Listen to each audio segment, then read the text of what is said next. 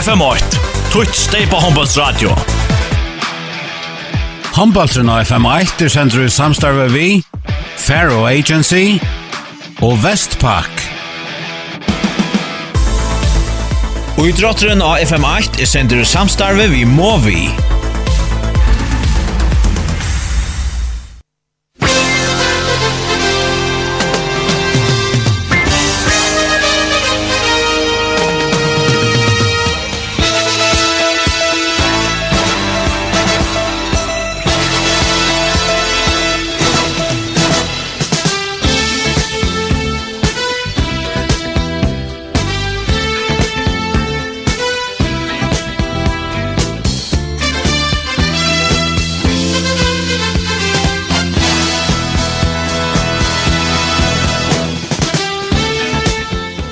Velkommen til Steipa Humboldt her av FM1.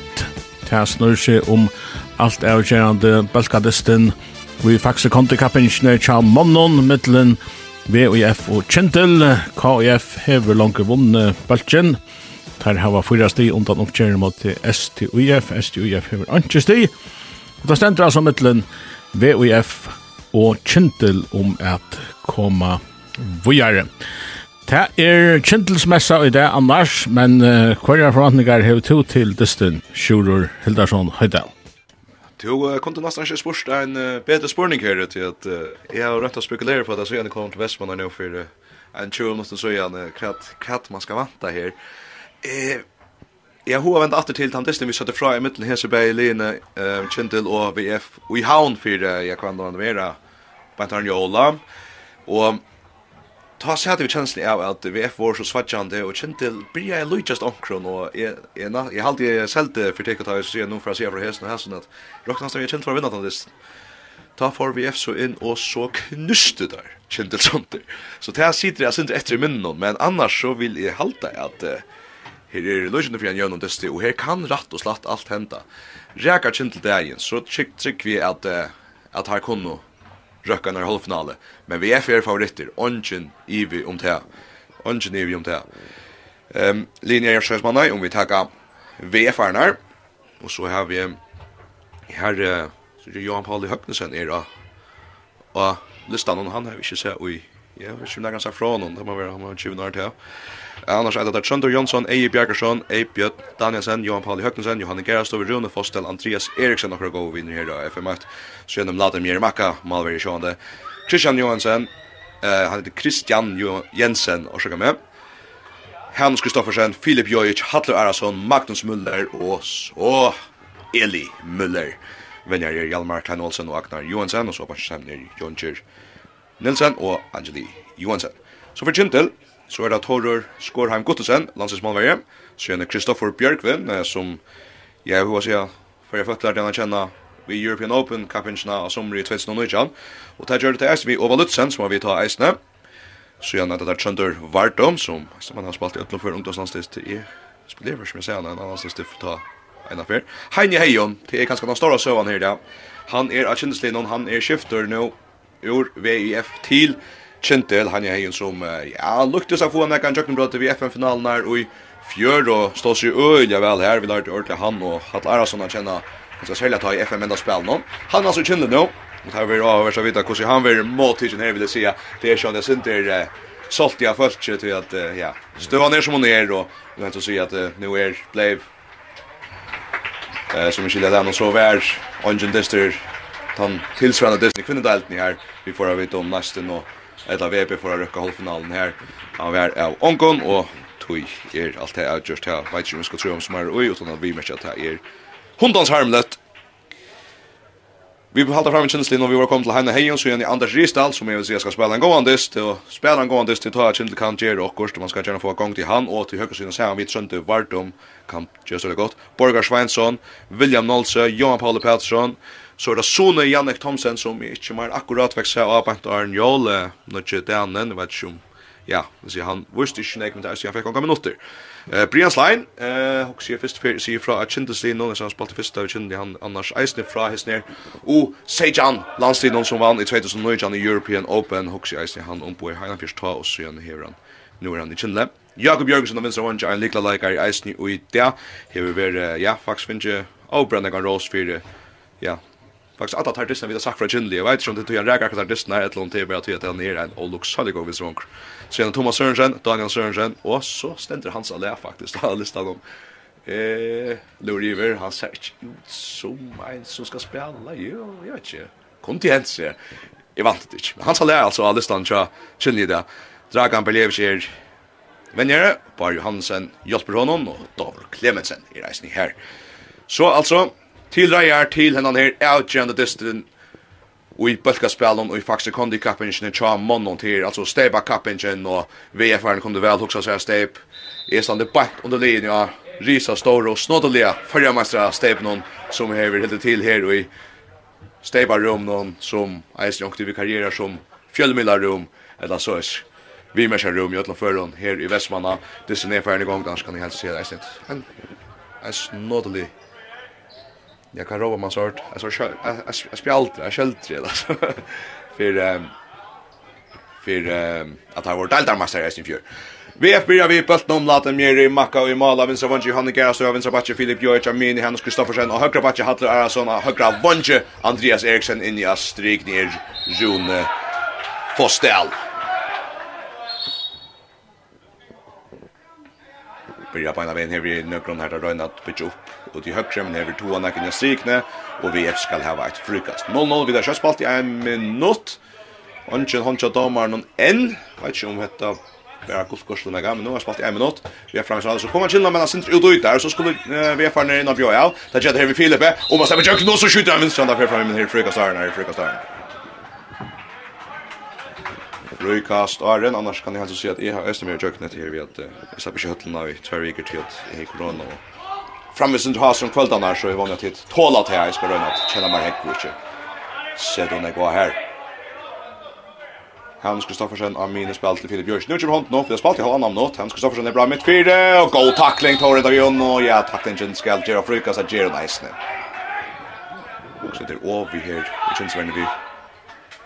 Det kan kännas. Så stöter det opp til Filip. Tror jag man ser väldigt gärna Filip på skott. Rymmarskott, rymmarskott. Tor ser ikke bøtten. Sitter ikke helt utallige, men han ser ikke bøtten, han strøker i malen. 1-0 til VF Filip Jojic. Messom vanta.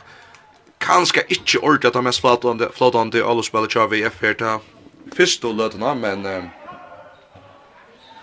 Sjøne, ikke så gale til VF for å få gang på den til Filip. Kinsmest han søste Tor Godsen i, i Malon, Vinsra Vondje, Jakob Jørgensen, Vinsra Batje, Jakob Jørgensen, Jakob Jørgensen, av vinstra backe eller Amini runt över nu Kristoffer Björk nu för att Jens faktiskt missa bollen så högra backe är Anders Ristal och högra vånget Sander Vartom i den strikning Johan Paul Pelsson Nu spelar Vefar nu kött till rätt rätt här och vunnit bollen i vägen nu till Rölle var spalt för stranda mot högre men så skjuter där Karls och sätter han kött om mot vänster Johanne Geras då ända vi igenom förraligom vångmålet Johanne Geras till 2-0 till VF Gobrian kör VF här och var första allopp kött om det inte flottande så var det skjuta lopp för myndaliga väl avgrätt vid det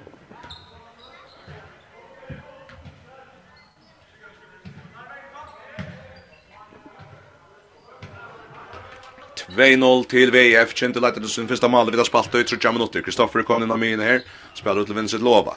Så høyre bak til Anders, så mitt fyr Kristoffer, atle Anders, jeg sindra plass, jeg lekt ut i høyre, sønte vart i min kjøkken, nå omlaten Bjergar, så innan første Bjerging i dag. Mladen Fersen av første bjerging i dag. Vi er ferdig atlas her, gakten dette til at Øtjatro og Røsa Kinsmenn. Magnus Muller inn i måte mitt fire, hvor er ut til Hatlar Asson.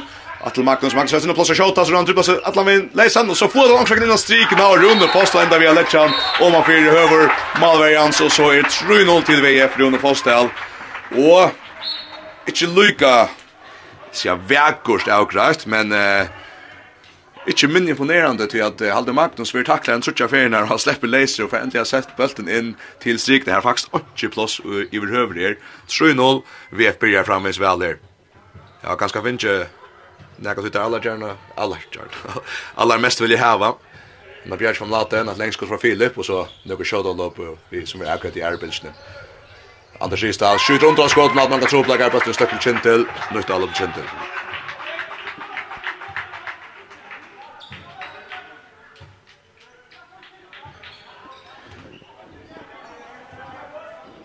Troi 0 til VF Kjentli i alle bæra en over igjen på strikna. Vi er foran fåna etter her, rakna vi bein noen.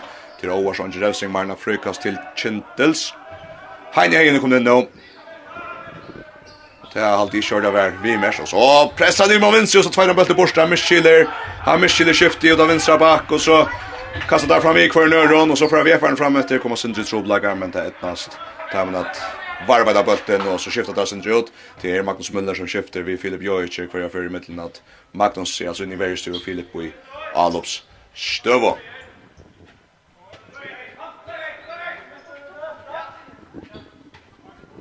Vi är förner Fotlund Hammer allt här de första 5 minuterna. Onke kändes smalt VF mål. Hatlar han sån att det väl färre han skjuter och över men det ska vara frukast Arnt är det Eisnem.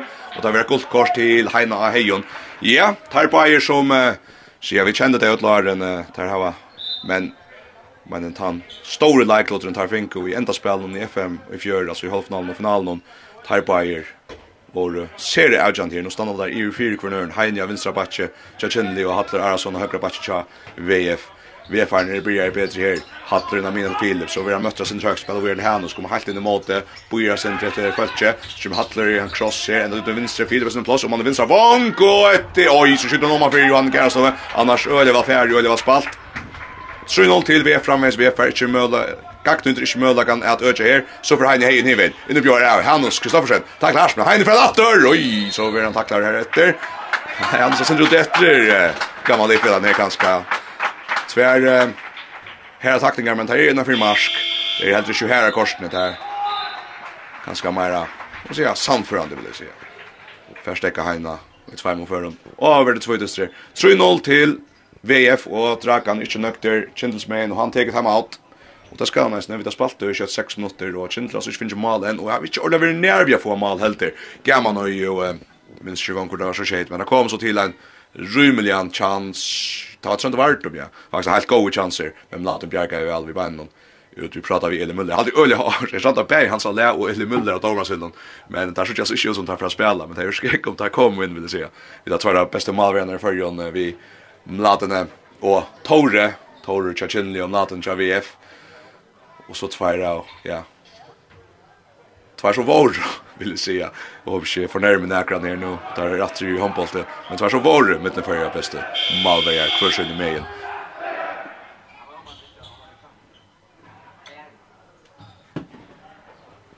Ja, lata kan lukka høyra kvar stolar er snirtest nir som altså er avgjandi om a røkka halvfinalplåsten. Vinnaren spelar halvfinal i faktisk handikapinsne. Kvar stolar spenner ikke nere.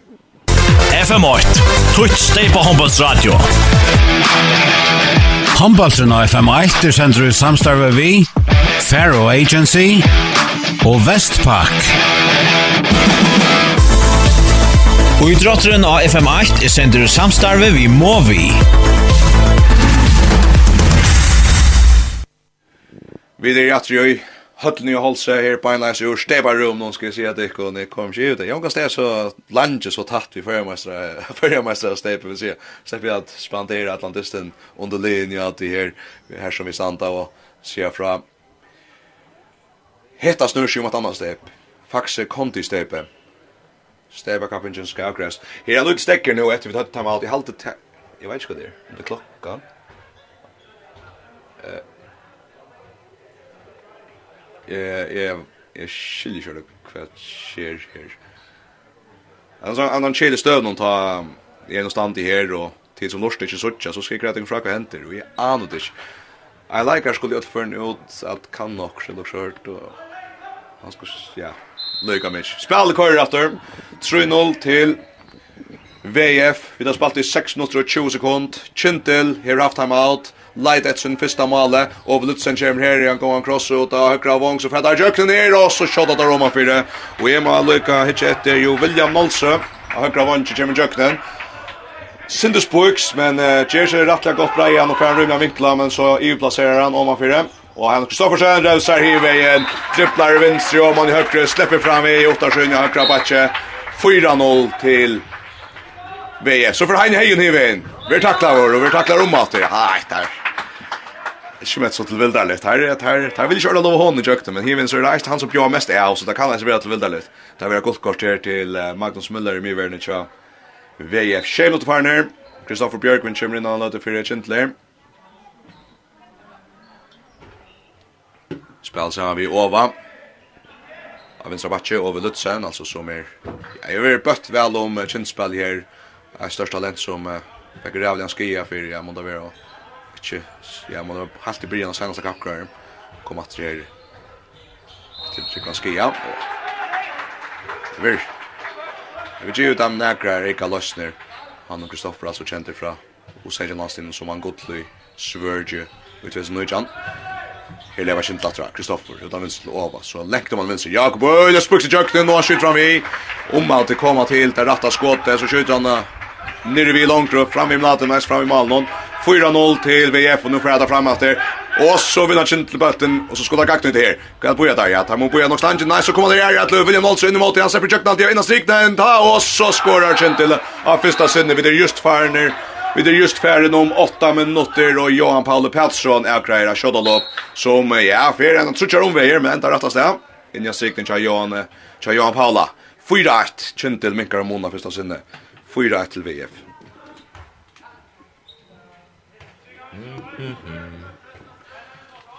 Lukka skriva målskyttarna rätt nior här. Första målet känner, första målet Johan Paula, annars är det tar fyra tjata. VF till Johan Gärsåren och Fostel Hans Kristoffersen och Filip Jojic. Fyra till VF. Hattlar alltså oj så slutar sig jöknen och så blir han tacklar. Och så inte tackla. Rafa satt ett tacklar. Hans Kristoffersen. Ursäkta mig. Hattlar alltså är Hans Kristoffersen ska tacka. Hattlar Arason vart han så bred i jöknen vi öljare. Finte ut i högra match. Hanus, Boja Lange, höttas sin fest och så skorar han till 5-1. Hanus Kristoffersen med sin normale.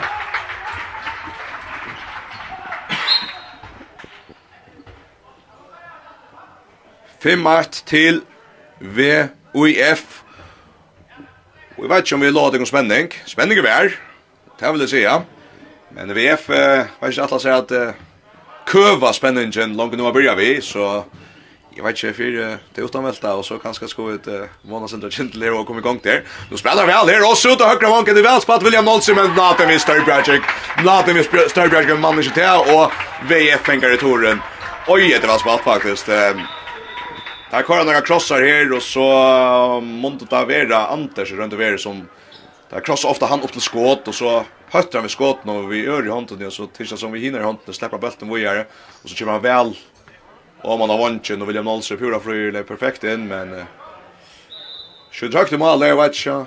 Natten stinker lapparna upp i vet jag han tar axlarna och armarna men Go Bjarchenk. En Peter Bjarchenk och på gott avlopp. Og det er sånn der, där hej jeg satt hjemme og hukte etter, etter KF og VF. og det här jeg känslan av at uh, hver jeg brukte i skjermen, så så bjärgar jag natten. Men här vet så kvar jag brukade på stedhallen, stö stövhallen så var kvar jag fläkta åtta. Oj, Filip Jojic, nu får han nice där sen där happy mal vill det se och så 6-1 VF. Projekt 8 sjöne och inte går om att Her vant jag fjär och så släpper han bulten i målet. William Olsen, han skorar. Efter att hava Ikke tidsi at fein mølagon, så teker han vel av hese mølagon, han er sindu troplare enn det seneste, vil jeg sija, vi tar han fra sindu spuskare, og han lekker han vel inn nast vi, inn om laden etter søys. 6-2 til VF Kjentils for at vi vilja med Nolse.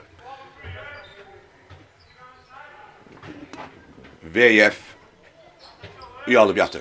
Hannes Kristoffersen, mitt fyri til Hattel Arason. Atle Hannes, vi møter høgt. Han slipper fram i taklingste, Innan strikna, her er um, frukast, og her er en utvisning fyrir just dessa taklingste som Hannes slapp fram i.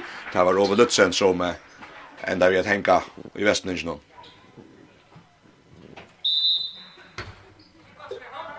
Så Ivet har støva til VF Filip Jörg kommer med vänstra vank. Kjempe att till Filip. Filip upp alla press. Inna strikna väl spalt här och sen där och så är tjej 2. Där spelar väl. Vi är för nu och Henrik Kristoffersen skorar sitt tredje mål.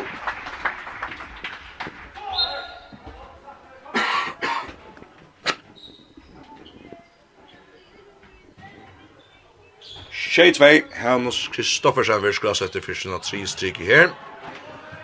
Och ett kunde inte vara en värre början för kände vill säga ju. Kan man det kunde vi se noll om om värre så till om natten helt framme Bjarka. Där fri målak någon. Jag hade hata kanske skaft någon ekra timon. Fri målak någon så gå om målak någon. Borgar Svensson kom in i backchat när Chachin när spelar så vi Anders så kommer han strikna väl spalt in och strikna och Johan Paul efter åt Ralik strik mål och han färar man ut vart så nice Har vi fänga över och sluta så läsa nu. Magnus Müller som uh, rönar halta i stärska tjänstmann och med Johan Paul Pettersson han lägger löjt ju i slöjt i Västmanstens här och sätter han sätter bulten väl i målet. Lägger lustar med med damer Ulle akkurat så mål. Shetry till VF Gentle Minkar munnen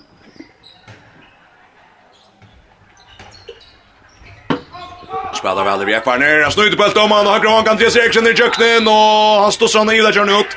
Ner hjörna och i det gör på till Richin. Andreas Eriksson och Gran jam.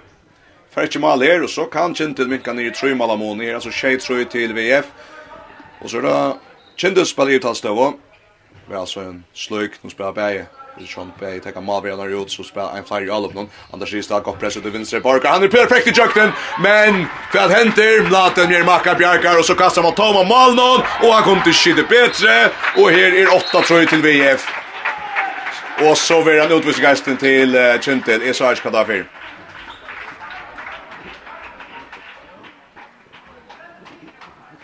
Att det var en öjlig vötter. Så jag nu eller vart vet jag det är faktiskt en pilotskiftning att Chinsman skulle ha varit alltså vi är en färre. Det vill säga nu är det två färre.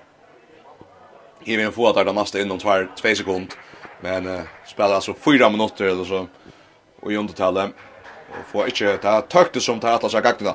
Jag får rosa gentle för spelen. Det är väl sett upp alltså press ger där och jag vill säga i huxar kanske inte av plats till borgar men timingen i renningen är så perfekt att han förlojer han för bulten i mitten Vonko Bakcha VF och han är pura fryer Naden kommer ut gör så står han och sprällar och träffar bulten väl och så loftar han själva bulten och efter han detta ner loftet och tvåtar han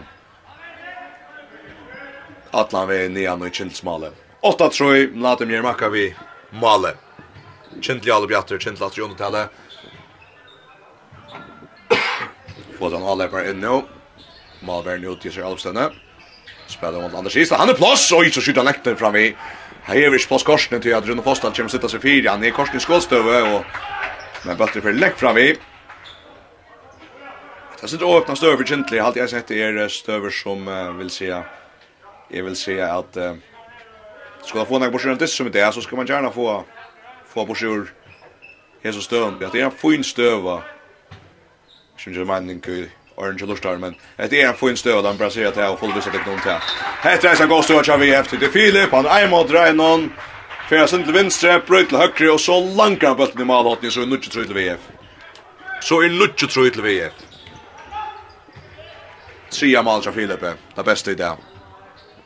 Kindlat i Alaba, Kindel, Røyner at halda høtt i høgt. Her var etnast tverfinna vi maler fra Johan Paul Lennon Strik när jag var som tar mig där skulle men här med standa vi för kanske äta sig mest nu. Öliga flatter. Level där utan cross for one när som Anders in i måte så det blir över mitt fyra innan Strik där fantastiskt spalt och Johan Paul Jaster trea mål tja. Johan Paul Pettersson och ta fjärde Jensen Att det var Weber spalta över Lutsen han som touchar armen framom en VFR och så släpper han brukar maltagen till att stossa bulten innan strikna. 24 till VF och Filip Jojcerheitz. Nu från Atter, ensam Atter, han ska inte krossa stå. Han fär bulten, driver in av Mina, känns med någon som fläter ganska och så langar han in nere vid vänster med sig.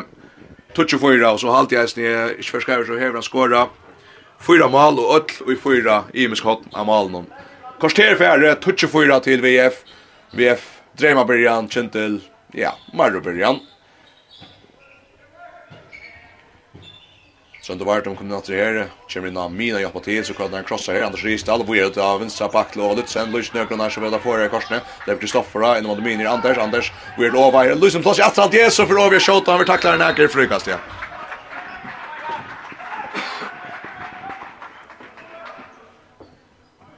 Han ver tacklar här frukast. Touch och fyra till Touch och fyra till VF kjent til Albjatter. Jakob Jørgensen, som vinner press mitt fire nu at han vinner sin vange. Så kan han kjøtt spille om han høyre bak. Og at han vinner om høyre vondt, og sånn det var om nei, han misser han så fer han atter, og så er han ikke ui, rattar igjen om at han skal kjøtt opp etter fram i.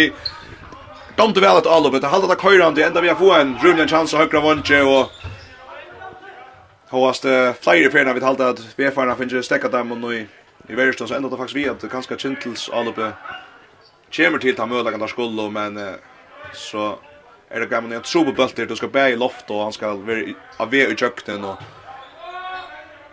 för så inte ägra stöna rätt. Han ska stå för sig en shot on bult ut vinst och heppe en stöcker en chinsman så att vi får när lever där från högre här fil väntar.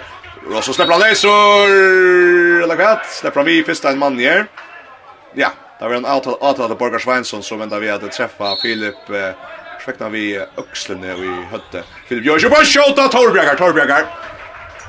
Han får upp och skjuta efter pura snatting och han är Jag drar inte spelar upp. Han tar färna shoulder öl tempo shit ska säga. Och så langar han till bulten och kastar mål åt någon med sin frihet har gått sen här. Och hette är näka som kjentlig bruk för det är Bjärskar från har gått sen. Det säger att alltid har törva. Men Heven så där näka tar ofta få. Det har gått sen som ja.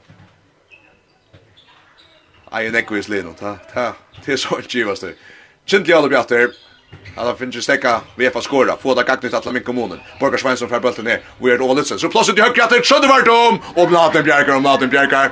VF är Toren har syns med ett som de så hänger han syns med över. Så får VF har kött fram ett rätt så gott ut. Där har tacklar mitt fyra. Och så får Rune Fostel över Vi tacklar. Oj, vi är utvisning sin karriär. Ja? Eh, Brian Steiner kom in första söndag. Jag ser att med nu har haft trutchar. Ska på vi tror vi vet. Men jag hade nog så avvärst där. Alltså Charles där. ner. Ehm gott med från Sverige och tvätts nu och så och så det här. Här vi här vi är fan kanske sen där. Myra och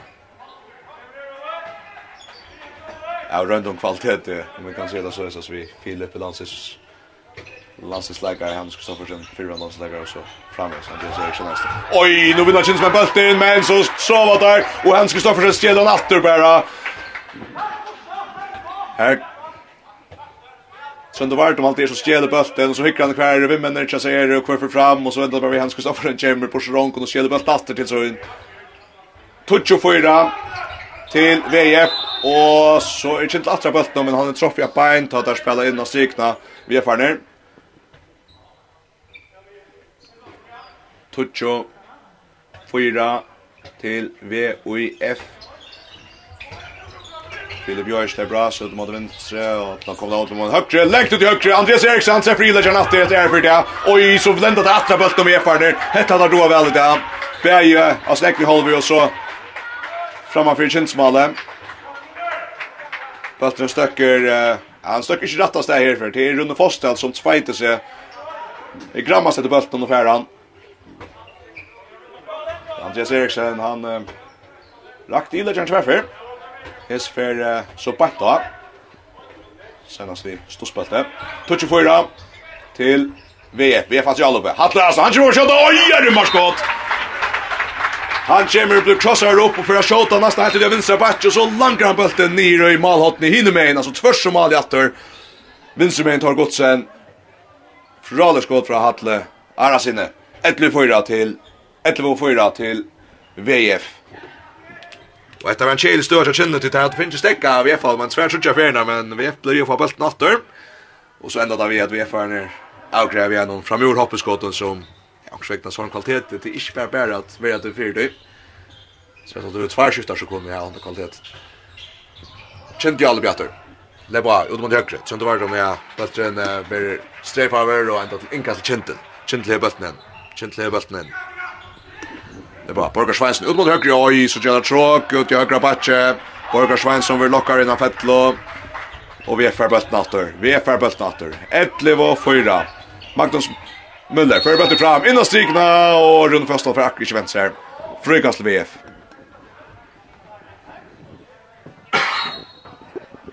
VF Attor i Alope. Ja, så det som är det som är appa på någon. Spännande. Och jag alltid älskar han var i vantan spännande. Men detta var checka center som jag vet som till Lorsa vi från början. Men detta synte ötter vi är och tills jag vera ötten som gånger ut här Marre början jag kände. Tror det kommer att ta jag nu. Vad att det bulten kände på släst han borste men vi är förn få han först. Vi är förn få han först och så är det loppe. Det är nytt all upp. Ja, nu kör armen nästan upp till domaren och så tar vi efter timeout. Tar vi efter timeout. Vi har spalt i 20 minuter och 40 sekunder. 11 och 4 till VF. Og etter sint er mynden eisen, ja, hvor um, hvor så er, og til er at det er alltid en, han blir vel etter verre stå, må man sier, til at jeg spiller bøtten av strikna av VFR-ner, her er rundt posten, det er en mot en, og det er mot Johan Pauli rundt vera, Eh så ju ju just kvar där kan jag stå och och väl kan fär fär bulten han förslipa bulten borster Han ända alltså till han VFR och det synte det som hänt när trutcha för när här framför Chinsmalle och ganska en tvär för nice över vi vi VF Malle att är det toran när er farner til VF. Det ska så ses att ta det fem färger så det kanske är också så göra vi kvar gramma sätter bulten någon. Men eh akkurat här på så tills som att vi sen mer happiness så kunde gentle finns mer på sjur. 11 4 till VOIF vi tar matchen där tar vi kommer att vi tar Luka för stolar resner. Jag känner det stom om halvfinalplats i Faxe Kondikapissen. FM8. Twitch steg på Håndbolls radio. Håndbollsen av FM8 er sender i samstarve vi, Faro Agency og Vestpak. Og i drotteren av FM8 er sender samstarve vi Movi. vi. Etlvo, fyra til Etlvo, fyra til VF, VF ut Time Out, VF i fotlund hammer alltid her i høtten i Vestmanna. VF er nede på atter. Uda høyre, Andreas Eriksen, kjører flikkverje, det er så kjøtlo, Filip Jojic, enda vi gjennom och tar godsen vid vissa vötle för tjaftas lite. Han är sån för Roma, Filip Lenter eller lat. jag vet inte, om det är Andreas som är över han vill säga. Han är alls inte nökter tar han. Och jag tror att uh, Böltren kommer. Vi maler så flyr han upp och råbra domaren. Uh, han helt om stövn och domaren han är inte säger när han säger han nej. Utan kvilla till två minuter. Och så, nej nej nej, det är gott. Han sa lärkymren, han sa lära för att komma in och han är han ska ha en mamma stretch. Han är inte han är inte alla ska komma in. Så kommer han sa lä av att den ta Chentel. Han är född i Nujam 4,5 för jag vet att han säger 8,4 år. Jag har hoa tror vi några som jag ofta alltid nog stått att ta oss om det är vi har fotboll och handboll nu sen Bar Hanses som hjälper mig här kan komma han den vänsterbacken då. Det är att förut tog inte han en plats för hedget där är för mycket vi kommer vara här för själva höllne. Då då var man chillne så snodar sig alltid om att uh, att vi att klass väl för hålla ett och gärna vara åtta och skapa så här uh, liksom drunna det här till att vi satt med hålla ett då var han så lä var han så liten ju hoppar så kom han ner och spela spela satt med hålla. 12 fyra till VF Kintel Jalov Bjartör 90 minuter efter att förra hålla ett Kintel i undertalstöv och så kommer Sone Minns ikke snart et lett han på et nå. Jeg skal si det på en av meg. Sone kommer inn at skifta Skipa spjallet tja, kjenne. Brian Stein av vinstra vanje kommer runt och hjälper till och pressar in mitt fyra kämpar till ut høyre backen Anders. Anders det er bra. Og skjuta så er det Kristoffer på Ira Sinter. Så som det vart om en mittfyrt til högra back Anders Isdal skjuter stunch nu ut och bultren och Kindle lomma fingrar Tore, men han får ut linkast. Han får ut linkast och så färra så färra vi är fram.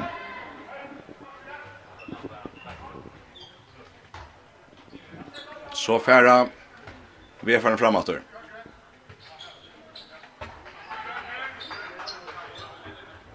Ettlevo, nei, 12-4 årsaker med til VF og Tatlas er økja nå. Leiva dra, av. Og det var høyre til Hatlarason, og så en av mina til Hans Kristoffersen. Så av vinstrabatcher, Filip Jojic, Boja Sinti, for Kjolvrater, og det høyre bak, Hatlarason. Bøttes er ikke vel, han fer alt i korsene, så Filip, hun er Jack Kjolvrater, fyrir ut mot høyre, vi er til Hatl, Og så vil han tackla her, slapp fram vi taklelse, og så bjerger Hans Alea! Hans Alea vi bjerging! Ja, ja. Hvor er ikke det? Det er vel faktisk en drenka, hadde jeg sprøtt der alle høttene. Kjente alle bjatter olen Nord om man kommer seg en troblager.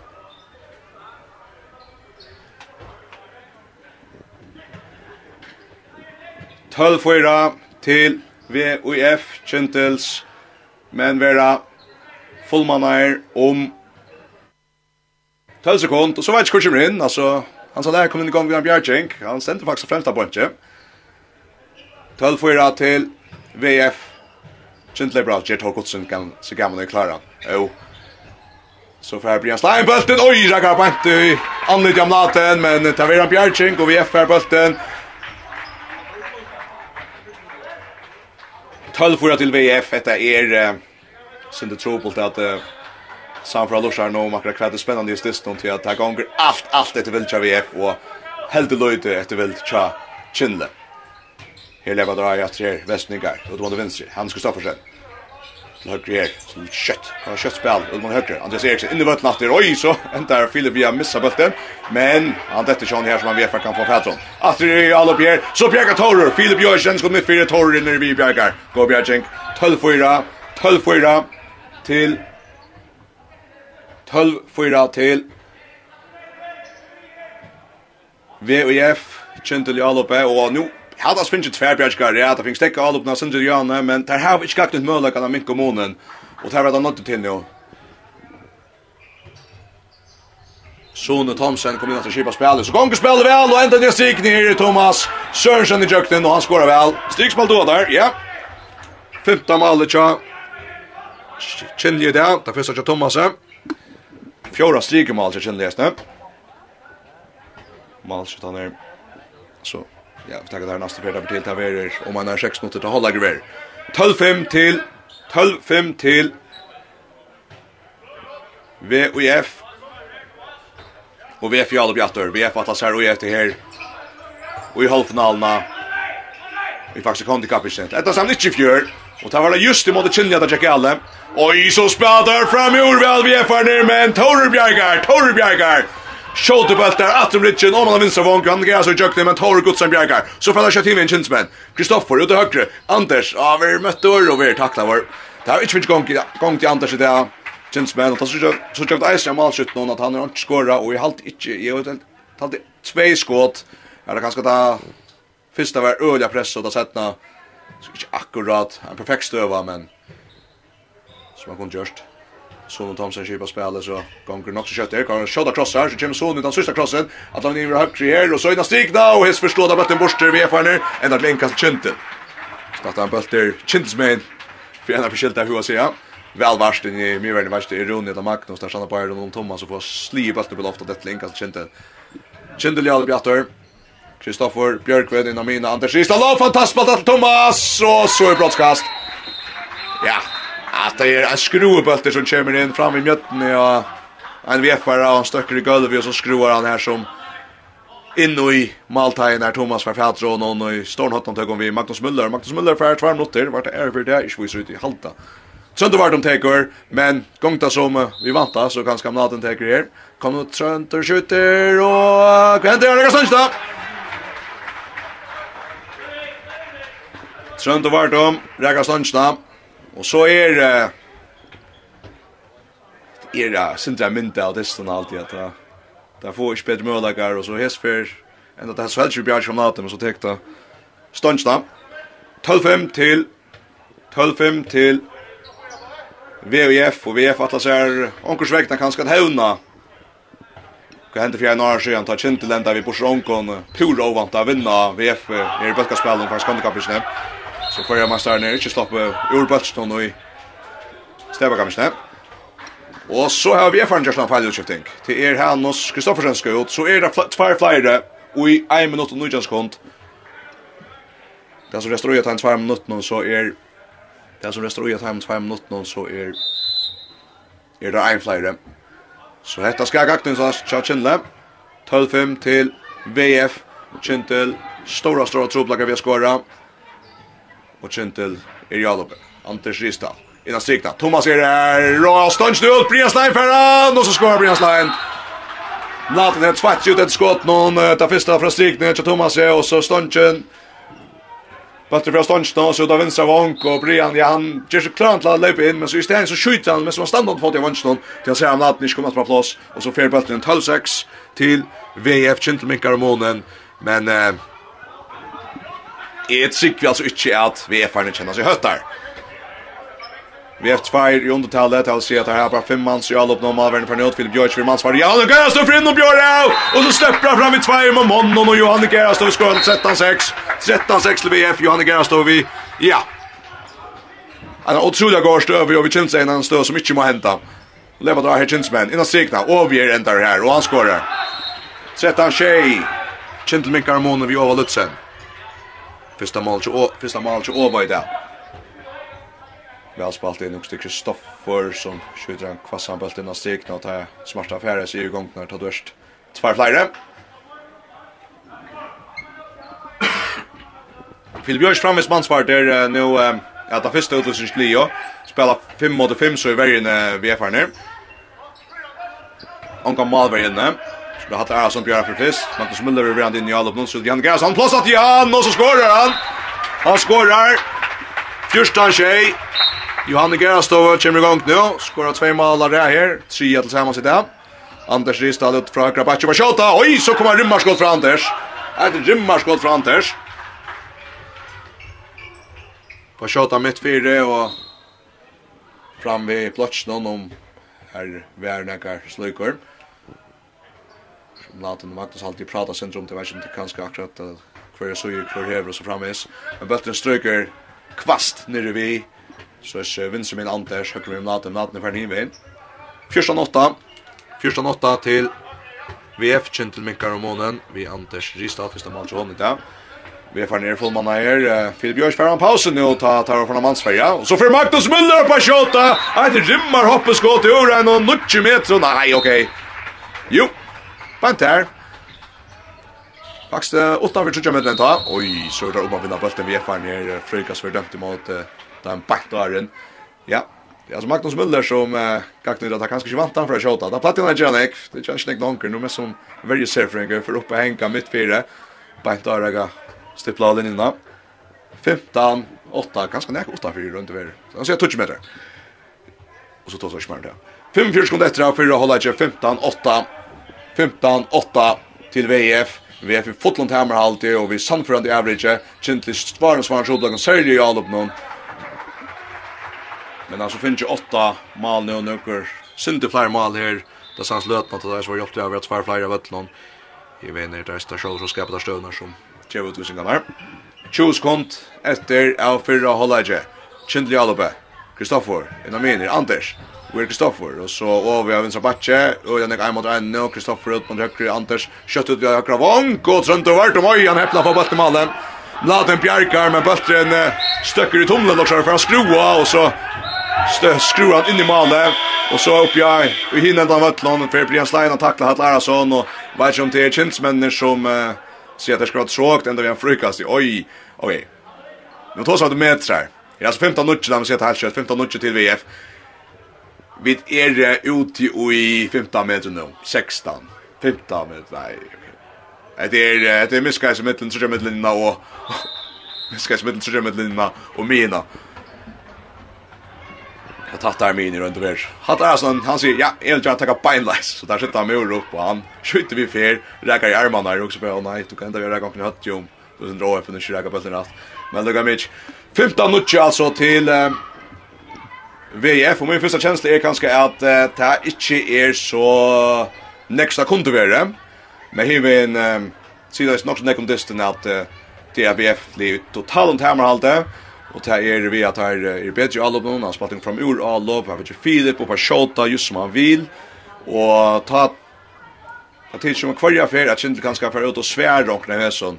Så sier nu vill jag inte gärna ha att Filip släpper upp hoppeskott. så kommer han ner och gjort allt att höj ganska sälja han gas upp här och i mitten av höj för rött så att han först bredde jukt mitt för och så så han ehm bäst valde nog så nog så så crushed the jukt av vänstra vånchen ända vi får en god chans och täcker sig väl.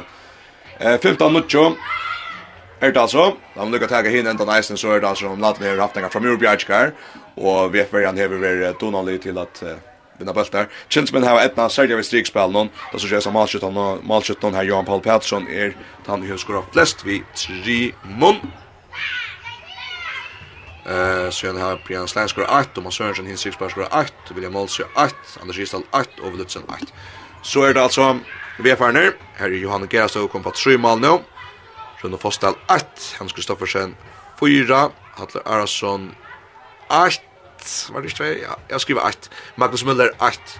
och Filip Jojic fyra. Det är faktiskt galla. Vad då checka. Man kan lägga för.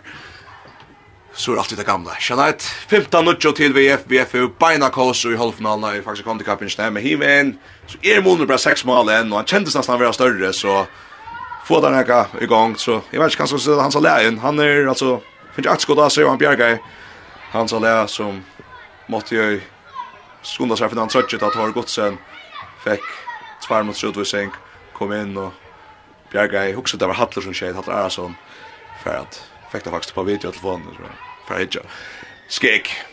Hivin, hivin med en stendur, eller Müller med anna av listan hon tja VF, men så er det ikke som er mer som at det inn, men kommer stått om, ta han ut. Eh, Annars vi kjenner seg en her til Kjella Stottlet her halvtid, til vi håller tja VF her noen vefarner om man har i messom ödlon pörstun av spölun 15 minutter til VF og så var det at vi satt noen halvdags med Så ser vi Jersval Schurer som hever Inka Olsen vi sær til satt noen halvdags Jersval Tibar Ja, han er kommet rundt til sånn at uh, det var her først tvei og jeg har spalt ja skala men det lukkar slitt ja SUF vann 26-25 halvdags jeg fikk høre en Jolsons kom i høtten her her um, Alltså vi är för 8 15 touch håller men nu är det har 15 touch och det är uh, vänstra vänster Jakob Jörgensen också ja som skorar väl. Ehm um, för skjuter första målet ja. Sen lägger som vi hade så är hej år på en vägen att lägger som en första väl där i. Ta gå upp Piotr Jachinle. Arjol.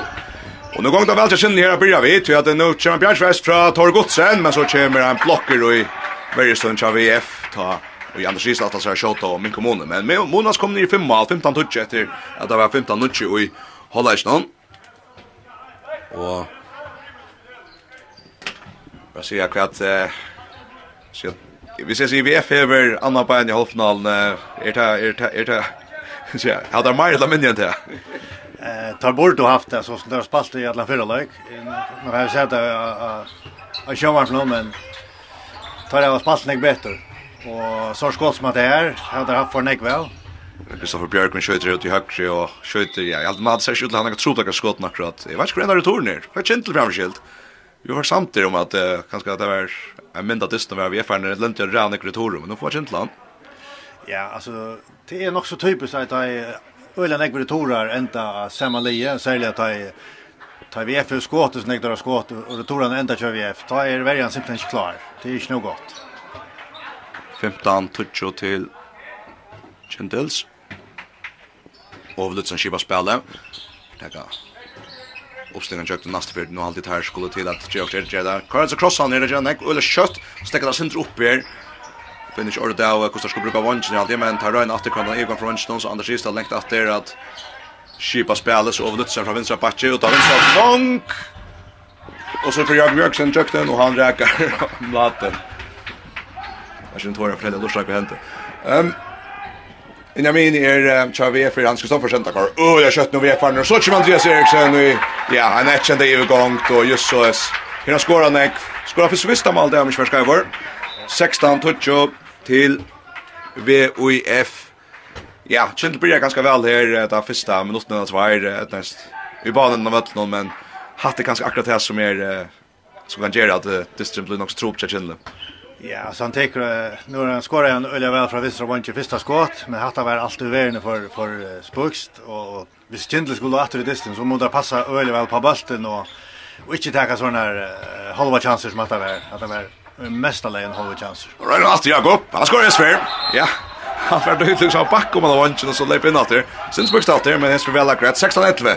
Kindle Mikael Monatter, så pratar kött fram och mina. Kvar där. Han tar alltså på skjut och fram i. Han tog i synen det. Jag också han sank i Malias när jag vet som Glad för att det är liksom på jag lägger med kan ända ett att att att det var ett harskott men han sitter på ett baska i min stundsna 16 11. Så han lägger som ska jag säga öl mål för det håller jag. Så där kan man gärna så tjuv Westman också att få han att släppa det skott nu vad som är nu. Han uh, räcker sig stundarna som är på en attan för det ska som man får in.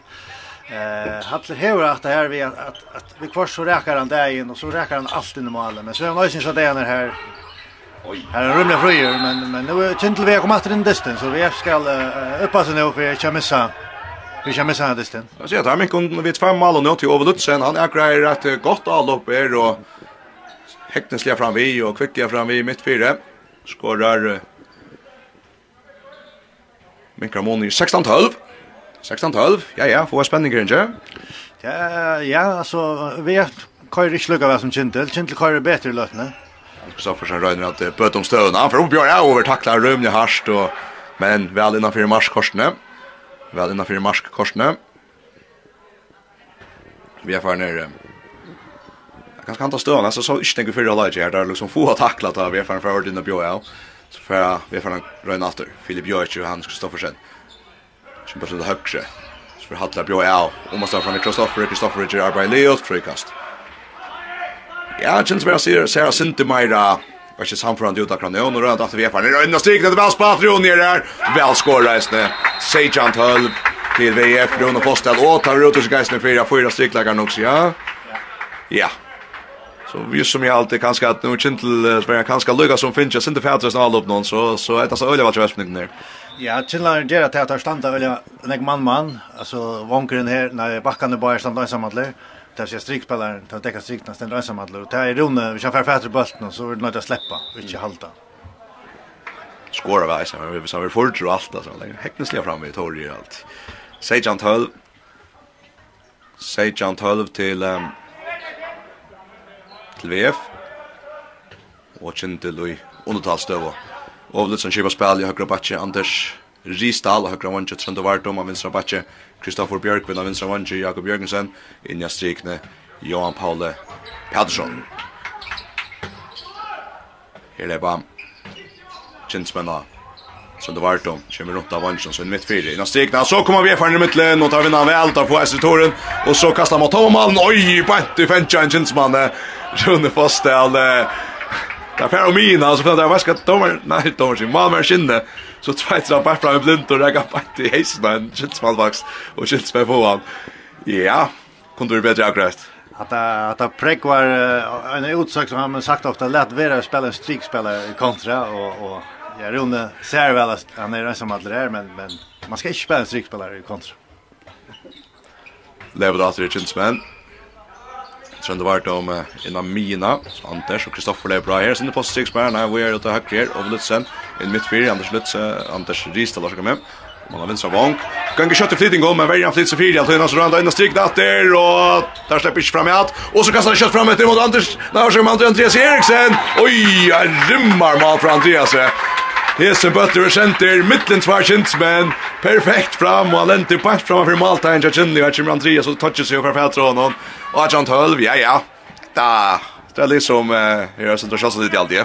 Ja, hade är faktiskt en pura håll i högt i elvring fram i mitten två men Chinlar hukte simpelthen inte bult någon. Det är just det sig andra den finns jag. Och att han tar så er mån at det er oppe vid Hallagsstövna, sex mål av månader Det är alltså om uh, den senaste plats alltså vinnaren här uh, skulle rätta med om förskärret här, hittar så ha en av fjärs och i halvfinalen som långverer den och att rätta med om förskärret. på efter kött av här efter Bjarking från Latten. Det är ju nu spalt i tjeja håll mot det och sett med hålla i halvt nu får vi erfarenhet när man väntar nästan nu får där liksom Laten Bjark och så framme jag vet inte om det samtidigt. Ja, nu är det det som man har snackat om så ofta att Lee kommer att han har längt att han för sig där tror jag att Men så missar det allt åter och så var det motbräckan åter så får det bli brött och till akkurat där som Kindlen nu nu kom där välja väl väl ut från från början av söndagen. Men jag har legat som släppt öll natt. Lever då men vinstermen här VFR her, Hans Kristoffersen åt i høyre, så allt om man högra vånkan Andreas Eriksen, Rakesh Malem, Fly lengt inn, skjuter langt men skjuter og lengt, vet du, han kanskje lykke streg fra stansjen, men fyrir fram i, og er kjent til VF, kjent til kundar min kommuni, Anders Ristal, kommer inn i måte, så tar høyre vangt, sønder, nekkas spuks, men ja, Nade Bjerke. han røyner at det har vært skruel opp, eller så er det alltid, Nade fra akkurat fædra honom. Ja, ja. Han... Han blundar ikke. Han blundar ikke, nei, som sier. Nade blundar ikke, så hvis du... Hvis du loppar som det första då du han har bränt uh, första allt ja. Så nu uh, letar han efter och här är mladen pura där läser. Det var nice ni hästen för. Bjarka så vi smöjl så vi flännar det att data så rätt någon som det. För då pratar vi punchen. Vi är fan ju alla bjatter om man mot högre Andreas Eriksson kommer in mot mig att han vinner så då vinsar bak så kvar att mot högre öl jag står skit. Oj vad att den strikna. Kan då vi brottskast ja. Det är Christiana, Christian Jensen i strikna. Genga öl, kött fiskar vänster till höger och så kör bulten kött fram efter och Värjan flyter som vi vet inte kvärt och så ändar vi väl en öl särlig bulter innan strikten som Christian Jensen författar och det har varit en brottskast i motrum. Han Kristoffersen vid mål till Tore Gottesen. Hötte första ölet och så skorar han back fram i slutet på en noll. Nu John Tolf. Så vi då på Shemalon så hade rökt att det är sett någon han just där Chintel fick minkan i fyra mål. Eh ta första löpna och åter ja då en utvisning gästne till utvisning til Kjentil fyrir støvna, og så gjerne halte jeg vi det er Lars Andreas Eriksson som jeg kjenner her FM8, og det er tog at jeg ser at han skia skal han hei, ta, ta kommer han i ofte noen som jeg fra, nå får han ut at det så er helt galt, så han skal lukka stretcha seg her, beinet seg her, men ikke hon alt det beste, vil jeg si. Nå er 12 til Nu er han 12 til VF Kjentlat Jallupi, Anders Ristal. Brøyder Jøkten, også rekker han stansna. Han stepper Jøkten tar sjøen i år, skal være brottskast. Ja. Så det är awesome till domaren där. Men också så lucka om och så ser det ja. Där ser han väl cross ut efter allt han han är färdig jökten. Att han ska att hacka. Jag vet inte, jag ser han han datt nog så hårt och det tror jag inte jag ska säga det Får så kött för. Anders Istal täcker. Ja, okej, okay, fix mal. Skruvar han fram i natten, sen den natten ska jag vägen, natten smulst. En spel nu så ta ta ta jag bjärga igen. Nu är han 13. Jag vet inte. Jag kan bara säga ganska snabbt att intensiteten för är artisten, jag vet inte om han känns det avgjort eller vad. Jo, alltså Melbreak kanske kände är öliga brött. Alltså tar släppt och öliga latta sig. Jag tror man där fick ju Janne. Och nu var det så kan man säga nu då fan ju inte all. Och det är så öliga väl tja Christian Jensen. Spelar ut spel och Filip Jovic finner Christian Öliga väl. Tvär väl att det stöver från honom. Känner inte så väl också så han har helt stått i fjörreisne. Men det är ju bra etna spel til honom. 20-13. kjemt etter Kintil og i undertall i 18 han til Ange Maver inne.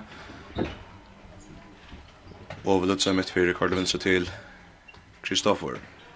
Spelar øyelig hold i her Kintsmenn, så ser det litt sånn tepp på ganske. Ja. Smart visst vill säga. Kristoffer Björgo. Så Björn han nu. Rönna slutas läsan. Weird Anders. Här är Sundra Plaza. Innan strikna. Jan Paul Frager. Jo, framför allt från honom. Hade Björgar.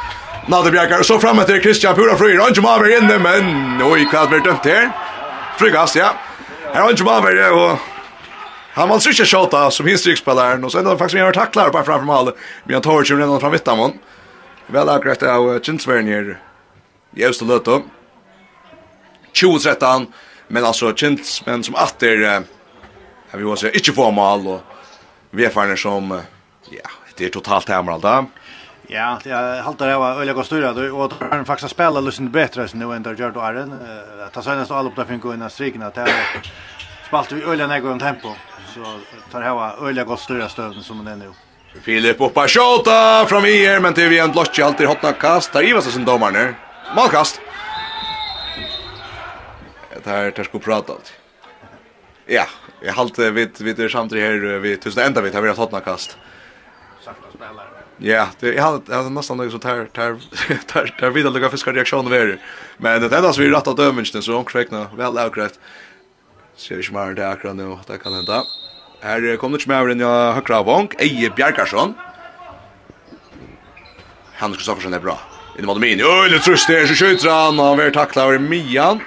Men frykast. Tor Bjarkar. Och tar vi frökast här rätt. Frökast till VF känns man kommer inte mer utan Lore värden vill säga så innan strikna på tre för inte fram i Ötland oj så. Ända där vi har pressat samman och inte ja och inte vann det för typ bättre Malvern och strikläggaren ta. Christian ska toucha sig efter det snäbelt någon som blev laser framför Tor och så tar Dragan time out.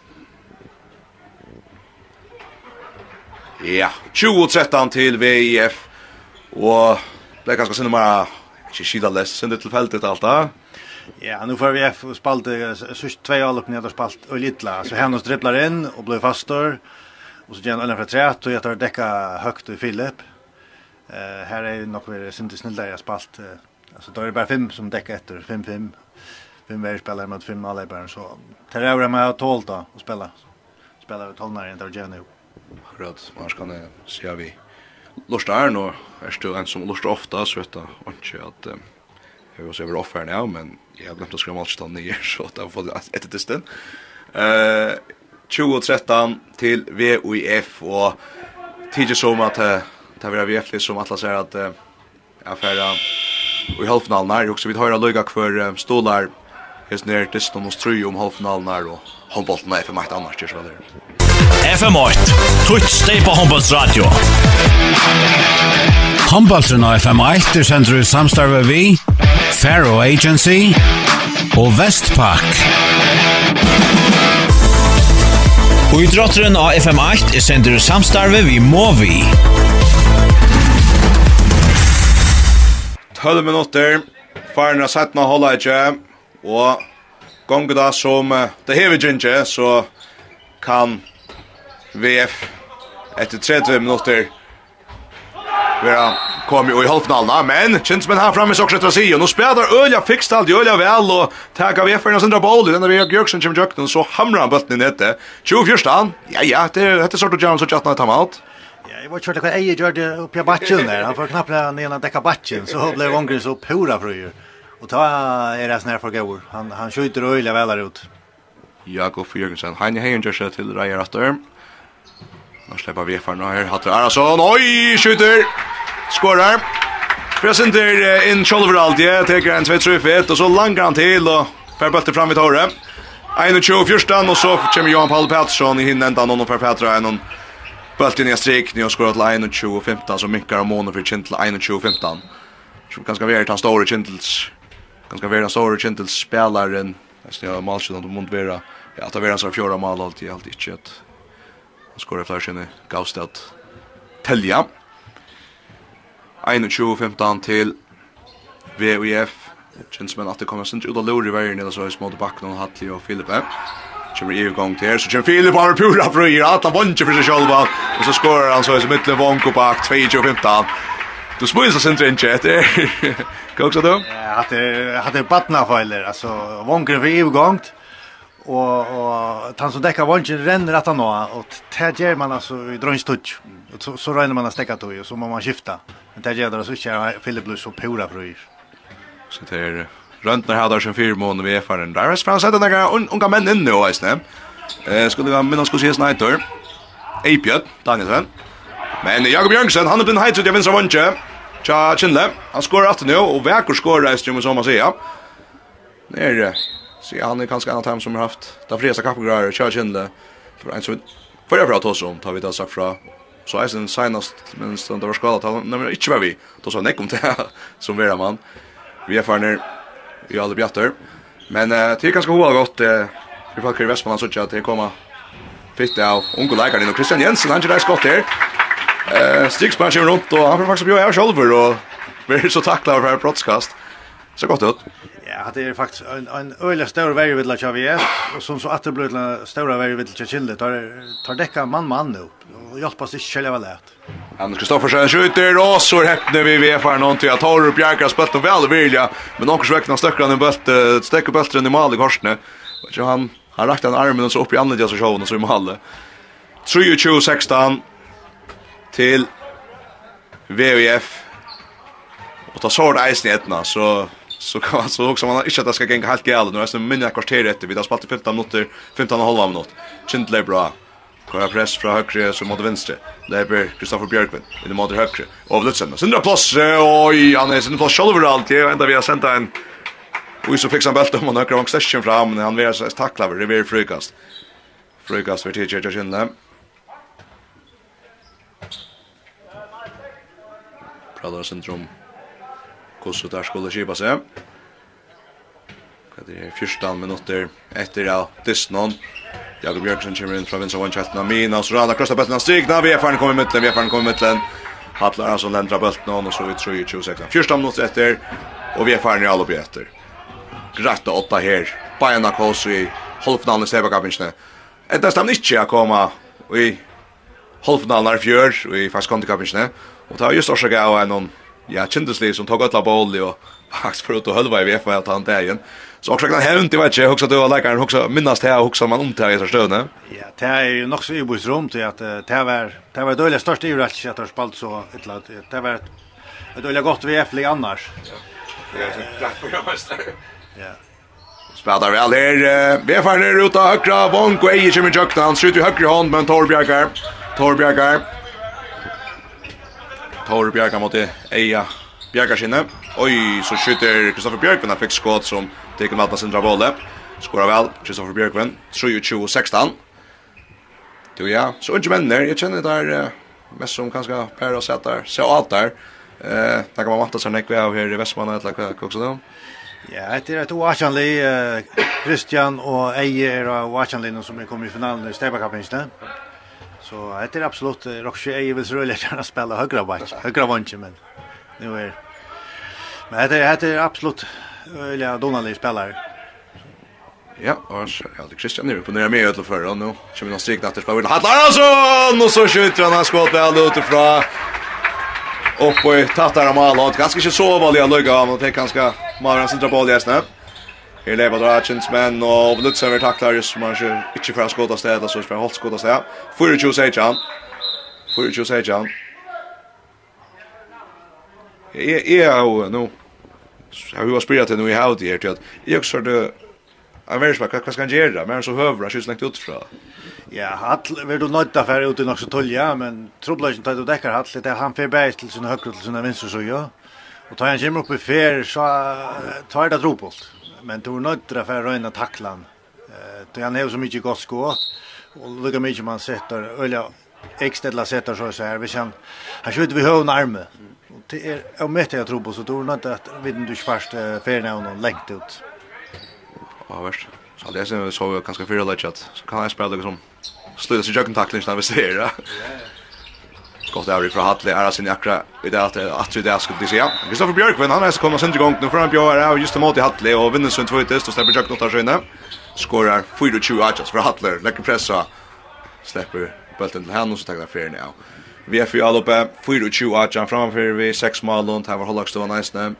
Här är Robert Jag är färgen 12 mot rätt att spela, ett och håller halv och så. Det är bara vi är färgen åter. Det är bara vi är färdig åter. Sen Jensen gör något strik, den så till hatt så spelar kött ut i högra vång Andreas Fresh brukt hatt till Nagas i natten mot Mine. Filip Jörg och mot vänster backen Hans Kristoffersen vill ha mött också högt där vi är framme Filip per plats where det högra vång så hatt det högra vånche och så står så några fyra. Ja, han lägger bulten. En underbein, jag tar gott sig, men bulten, ja, för att står stås, jag flyr läckte på Mali runt värre. För det ju men hatt det här ser all upp ner, då ser man sen att det är ett VFL som kan spela sig bort rött som kände kemi. Ja, ta ta köra vi en öjligare rikar övergång då och crossspel och ta klara kintliga stanta och ta klara sig att att mottaka crossspel. Tog ju bara spurningar om hvis vi sve för att tåla att kommer till rött skott möjligarna. Ta jädrar lätt. Lebar att jag kinsman. Kristoffer Björklund och Miss Bultman Center spiller vi ett antal skärm som de minner Kristoffer. og innan strikna väl spelar Knight har kommit til en oj så från att korsen jag valde. Han har trakket ut över innom den innan korsen. Röna Niklas har fixat allringen inn etter, men nå kommer vi FN ofta og ofta i mitten Og spiller vel her vi FN nu Andreas Eriksen, da vi er noen til enda vi alla som vi tacklar vår Helt inn i linjen og spiller bøttene som att som nackan har sett til Andreas Eriksen, 25-18. Jeg vet ikke, Jag har også hatt uppe till meg nå. Spelar väl. Ja, han spelar fint. Han är helt kan man säga. Han är däckare där. Men ser väl att han ser Andreas Arent. Så Leibron har släppt Luga man man läser och så spelar han. Finna spelning goda vunch. Han är hejen kommer nåt där. Hela sin trubbla börjar vi vet man fick han sönder hajta mot tök Angelo. Ja, det är sig så just det. Men som ni kan vilja visa hur är det här. Så skulle det vara vara. Förra mästare VF i fjör. Nu i Kjønlem. Vi är fan få tackla här ta kjent men sätta alla upp i uppsläpp blir han slina från vänstra backen så till Heina Hejon. Høtter så fra han frigjør, och så skorar han. Ja, fintar mig Werner tja, Vi er ferdig någon. 25 Jan, så sappa jag så efter. Ja ja, men uh, nu ser man att det är Ulla Nego døyla mål. Alltså vi får et mål her, och ett mål här och Werner kör inte vi 100% nå. Vi så gör en rikva utskiftning går när Bergkindl och FK när ungar inn. Så det är det syndra att kan man säga. Jag var ju en i linje och säga att detta är väl tropolt. Spelar efter. Oj, spelar väl om man vinstra vonker Johanna Gräs han bränner han tar Bjarkar. Där Christian Jensen för bulten att det är han som spelar den striken så spelar han vidare om vanken. Det är särskilt. Leva chans men avfalla kaknet till Mikko Måne långt så tjap. Ja. Nuts mot rätter och sex mål att han för är det inte. Man sett att för att tacka detta så kapar en sån dyste. Men det är inte några som Bendrata. Nei, du kjørte så jeg kjent til hever uh, våpne til at uh, åpne verden til VF. Uh, tar som spiller nå er kjørste. Men, men uh, sånn, det kan, kan ikke velge kjøtt i håndbølten, men, men så skulle jeg vilja det, synes jeg mer enn det vilja det. Det er så ikke nå. Ja, han ankommet jeg skal, han henger rundt så vi en standande skåd utenfor Roma 4, og så enda da vi er VF-eren ut sveita bølten i 5, og jeg synes mannen. Kasta en bølt fram etter, ja, mittlen jag nekar så faktiskt skulle kasta igen kan kunde också inte ramla den nu mot till det så och så vi säger ett sign affär så kvisch pröva om att det senast det men fram gjorde allvarligt här.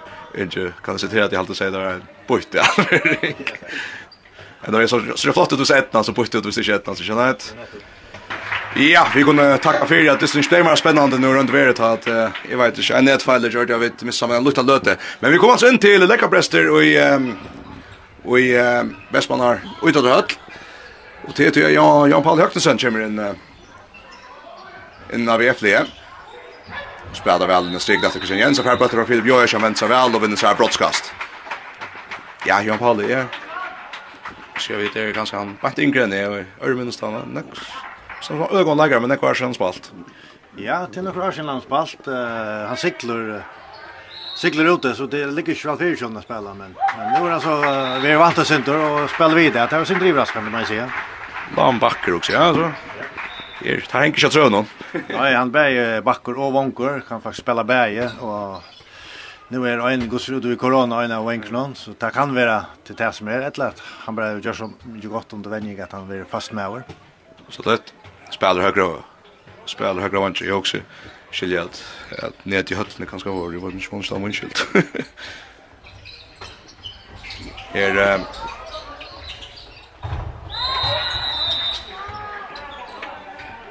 her, er jo best minutter etter, og som jeg ikke lortan vet nå, vi kom inn at vi destene, her vi tatt at jeg har skulle teknisk brek, så er det ikke større spill om. Altså, vi er før jeg kom i halvfinalen, og nå er bare spørsmål om hvordan samfunnet sier det er.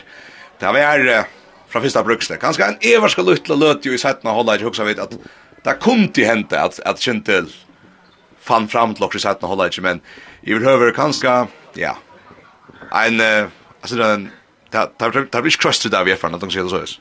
Nej, det har bestämt inte krust där och till med landet är att att Kintel Eisen ju säger att detta blir för brött bräcka och och tar hava tar hava givet upp och då svärst ofta utskiftningen nu är en rikva och nu kommer kommer in så tar nu delas tar nog snägg om att jag körde mål. Vägen är tackla inte så väl jag så det är heter väl en sån frialig rente. 8-2-2, jeg synes ikke frialig det det vil si at det er sånn en stund at det kanskje ikke er det sånn ikke folk i høttene.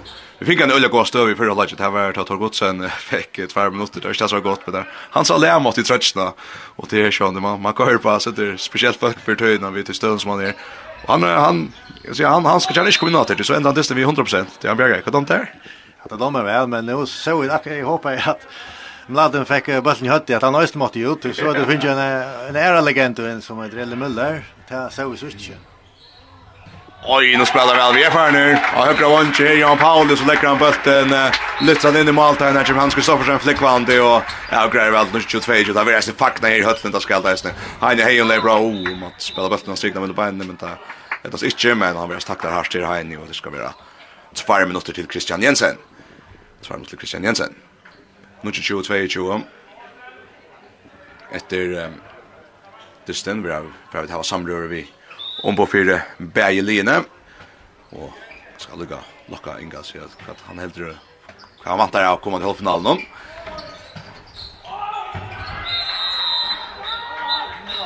Og teka saman om som annars. Här är Spagins, men uh, kvicklig om han har vinstra av Vank och Daniel Sørensen kom jøkten, og her uh, brenner han, men her skal være brottskast til at uh, Jan Pauli også satt faktisk sjølver, han hever nok, ja, yeah Just också vi vant ju vill bara säga. Han för nej tackla i vant han fixar sig inte alltså för för längt om han och vångren. Ja ja han fick gånga skejlan några så men men uh, rätt ut sink. Så nu är han kommit in och han har just en öliga och aktion med sina vippen hon. Och så kanske han minner gå nu med den där. Anders Kristian vill jag trycka på en podcast när han lägger bara rolliga fram i natten. Hun er, hva er det sen? Trøndor Jonsson, han minnes det fra Wajan Hansen i Næsni, ja, det er flere timen. Han er kommet ned av Vinstra Vong, og så er det VFN som er inne nå, det og Filip Jøjic, og og Hans Kristoffersen og Magnus Müller, og Rune Fostal koordinator, og så natten i Malen og sånn det. Oi, om man vinner bøtten i Kinsmen, nei, det var VFN som er igjen vinkast. Få Rasmus Müller på skjåta, vel på Henka Torbjergar, bølten detter til, trønt ut jag av vinstra vantje, men så räkar han og ståndsen ut korsene. Så räkar han ståndsen ut korsene. Holver, annar minus det knappt her. Ja, jeg som senast av Disnon, og i bølka spelen, og i faktisk kom i kappingene. Og hun blei vel årek av korona, tog verre, harmlet, er undan til. Men eh, jeg som senast han merker altså at VF spelar seg i halvfinalen her, en løyt oppress fra i fjør her. Det er så enda vi at hevna seg vi har vinna ötlån og vinna seg etter snoddelige fyrrmassar steipet som det har vært så vinnerlige stittla på et og lina av omgang steip så tatt vi at fyrrmassar steip så lunch det er to six inch nu 20, 3-20. hva helt annars altså vi er jeg jeg jeg jeg jeg jeg husker at det her har kanskje ikke vært nøkter her til kaffinsene men er det rett lei? Ja, altså, parstagspelen er veldig gode i det, det er aldri bestemt till allt ringt att vurdera utra Melson Melson har väl inte varit kan man säga topp i det men uh, tar det alltså klar händan det snöliga väl och till detta här då skulle visa och i den grad och negva trätt hvis det skulle komma öliga längt i skapningen nu färdar möta en lie som körer vi fullspill på ett framåt men där vinner han förrjar så menar han fava Nu tjuv tjuv tjuv tjuv skulle efter chins men svajda bulten borster tar fram i all upp bara som sagt bara säga vi får leva på ett och då golvet tar till det och röna fänga reaktioner. Kanske få känns men först. Där skulle helst kviga sig hem åter lägga brösten i runka här. 5 sekunder efter. Vi är en kvar kviga bult ut av högra vånk och Jan Paul Högsen skorar. Och detta halvt igen. Fett Fröj i fjältna och tar han nöjd i fakta han. Fär bulten i malet till Sretvo 23 så blir entalliga Ørstid og så kunne vi bare stafesta til som hever tøkst til tidligst pura vist nu så gjerne ja nækka inn i distan saman. Saman hver jeg leita bær av jefarner Her var vunnet seg i halvfinalen. FM8 Tutt steg på håndbåndsradio Humboldtren av FM1 er sender i samstarve vi, Faro Agency og Vestpak. Og idrotteren av FM8 er sender i samstarve vi Movi.